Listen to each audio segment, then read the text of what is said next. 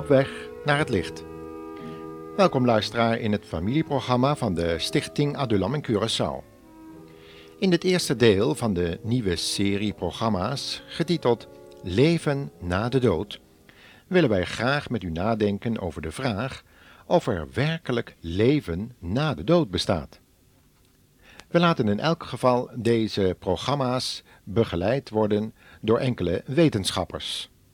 Maar wij willen hun uitspraken steeds weer toetsen aan het woord van onze Heere God.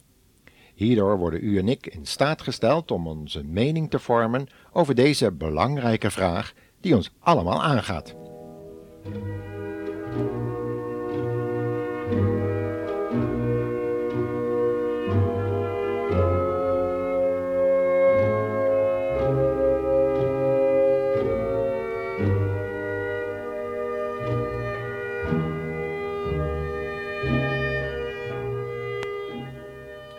Laten we dit programma eens beginnen met na te denken over het mysterie van de dood. Een van de meest intrigerende aspecten van het menselijk bestaan is ongetwijfeld het mysterie van de dood.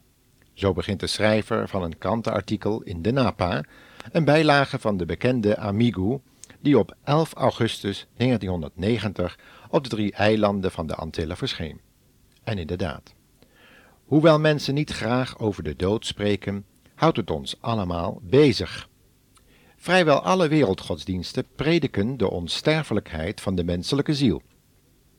Zowel de Bijbel, het boek van de Joden en de christenen, als de boeken van de Hindoes en de zogenaamde dodenboeken uit Egypte en Tibet geven bij wijze van handleiding adviezen die betrekking hebben op de wijze waarop men zich het beste kan voorbereiden op de dood. Allerlei theorieën over het hiernamaals kwamen in de loop van de tijd in omloop, met name die van de theosofie en de latere antroposofie.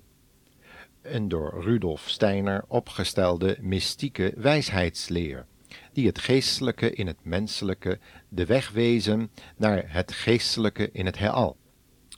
Ook spiritisten, mensen die contact proberen te krijgen met de geesten van overledenen, hebben driftig geëxperimenteerd met Ouija-borden, automatisch schrift en geheimzinnige stemmen uit de onderwereld, die ze, naar hun zeggen, al of niet met behulp van technische apparatuur zouden hebben kunnen lokaliseren. Ondanks al deze experimenten en leerstellingen slaagde men er niet in om een bewijs te leveren dat de wetenschap bevredigen kon. Logisch, want de Bijbel zei reeds in de brief aan de gelovigen in Rome, hoofdstuk 10, vers 6 en 7, u kunt dat zelf nalezen natuurlijk, dat je deze informatie door geloof kunt krijgen. En daarvoor niet behoeft te zoeken in de mystieke ervaringen van Oosterse religies of twijfelachtige aanwijzingen van hemelse wezens, en ook niet in de onderwereld, het rijk van de doden en het spiritisme. De juiste informatie ligt veel dichterbij, leert Romeinen 10, namelijk in het geschreven woord van God, de Bijbel, die iedereen wel ergens op de boekenplank heeft.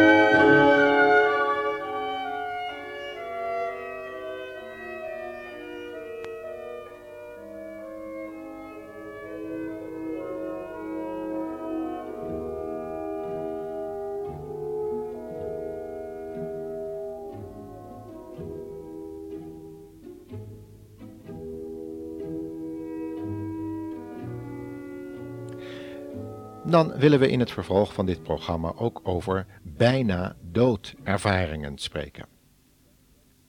Met de bijna doodervaringen, de zogenaamde BDE's, lijkt de bestaande discussie echter nieuw leven te worden ingeblazen. Dankzij de moderne reanimatietechnieken van de medische wetenschap horen we steeds meer berichten van mensen die min of meer vrijmoedig beginnen te verhalen van hun ervaringen op de grens van leven en dood.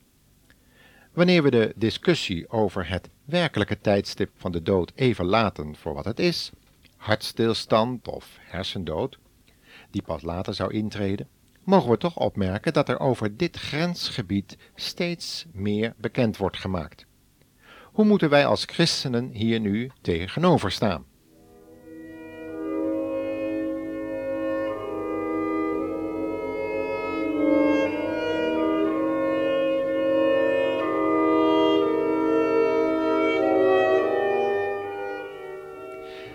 De vraag is of christenen en niet-christenen éénzelfde ervaring hebben bij deze bijna doodervaringen. Wanneer met name christenen hun ervaringen uitwisselen met niet-christenen, blijkt eruit dat de belevenissen in dat schemerige gebied tussen leven en dood door beide groepen ongeveer hetzelfde beleefd worden. De een heeft het over een tunnel waar hij of zij doorheen zou moeten en waar aan het einde een groot licht gezien wordt.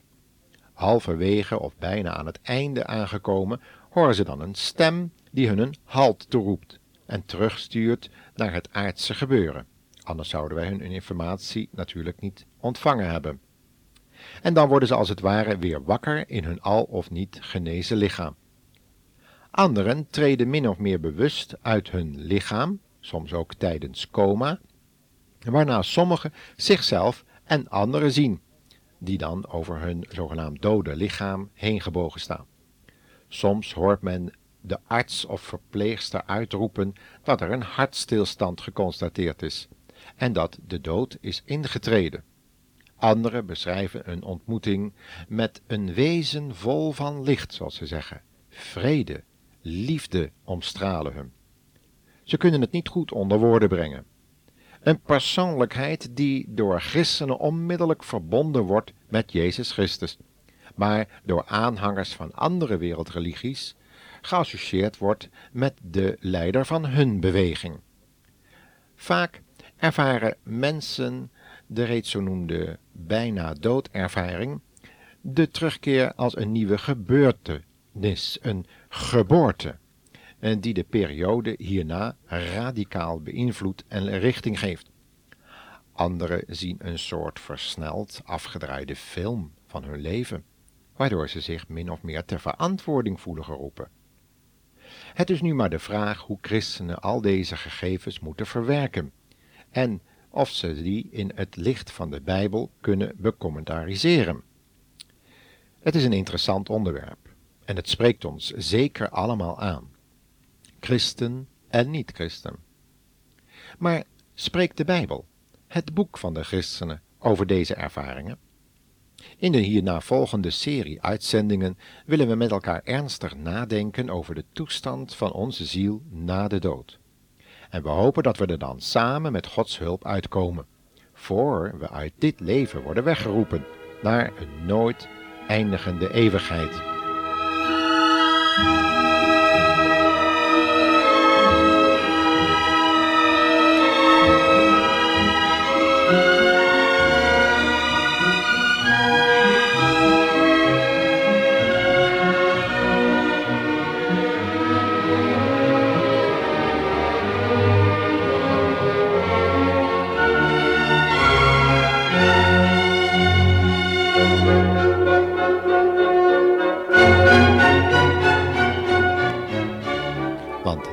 Is zelfs de wetenschap op dit moment van overtuigd dat die nimmer eindigende eeuwigheid er zeker moet zijn.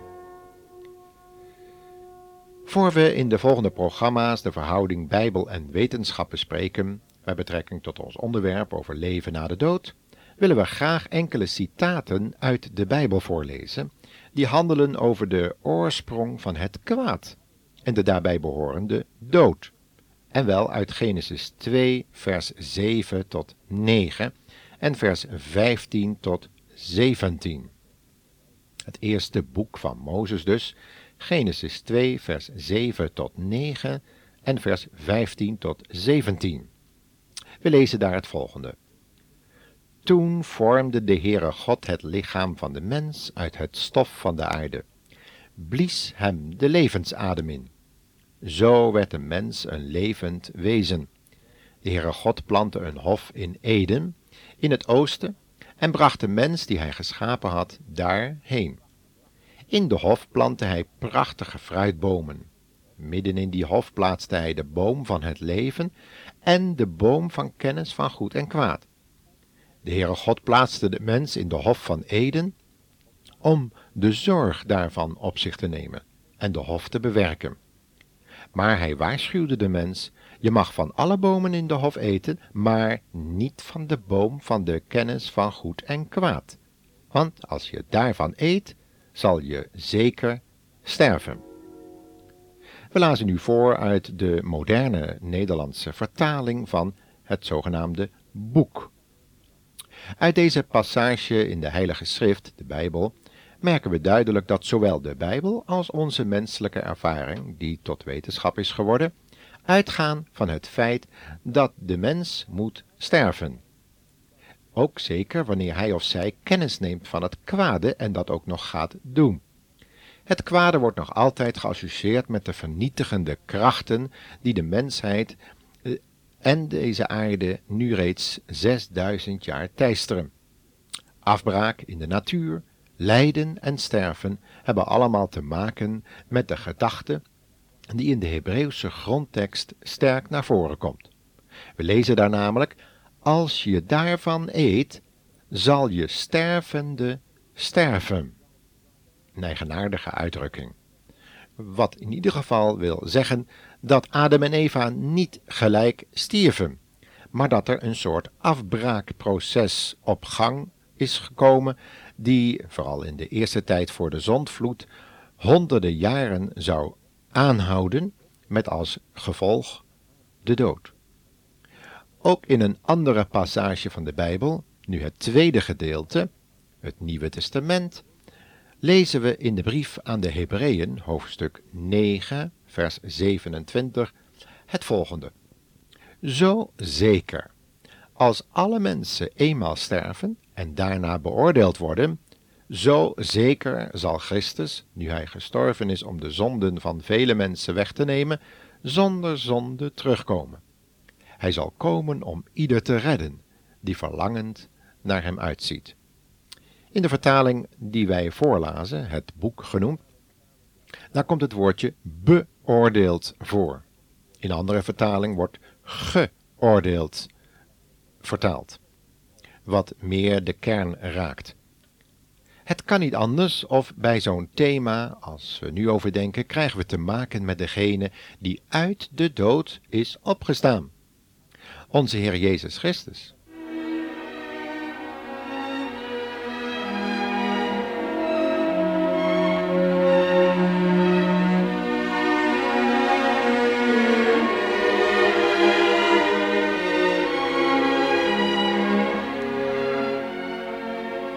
En de vraag is gewettigd, kent u Jezus Christus reeds als de van God gezonde heiland voor een ten ondergang gedoemde wereld?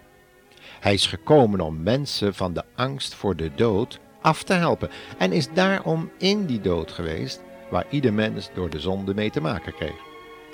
Maar hij is ook opgestaan en leeft. Hij is tussen de doden opgestaan.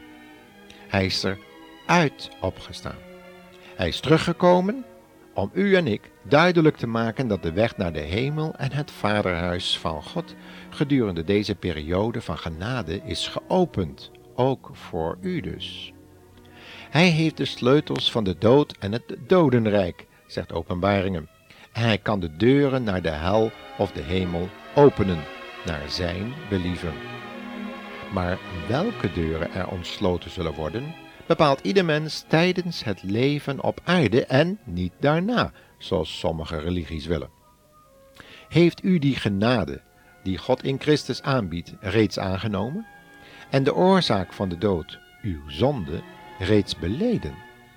Of ziet u nog met angst en beven naar de dood en het hiernamaals uit? God wil niet dat er iemand verloren gaat luisteren, maar dat allen tot kennis van de waarheid over het leven na de dood zullen komen en de goede keuze tijdens dit leven zullen doen. Er is geen leven hier op aarde na de dood, want er komt een nieuwe hemel en een nieuwe aarde, waarop gerechtigheid zullen wonen, maar alleen zij deel aan zullen hebben die in dit leven gekozen hebben voor de Heer Jezus Christus en zijn leven hebben ontvangen. Stel daarom die keuze voor Hem niet uit tot een volgend programma, beste luisteraar. Maar doe het nu, vandaag. Een volgende serie uitzendingen zullen we dit onderwerp leven na de dood verder uitdiepen. Tot de volgende keer, luisteraar.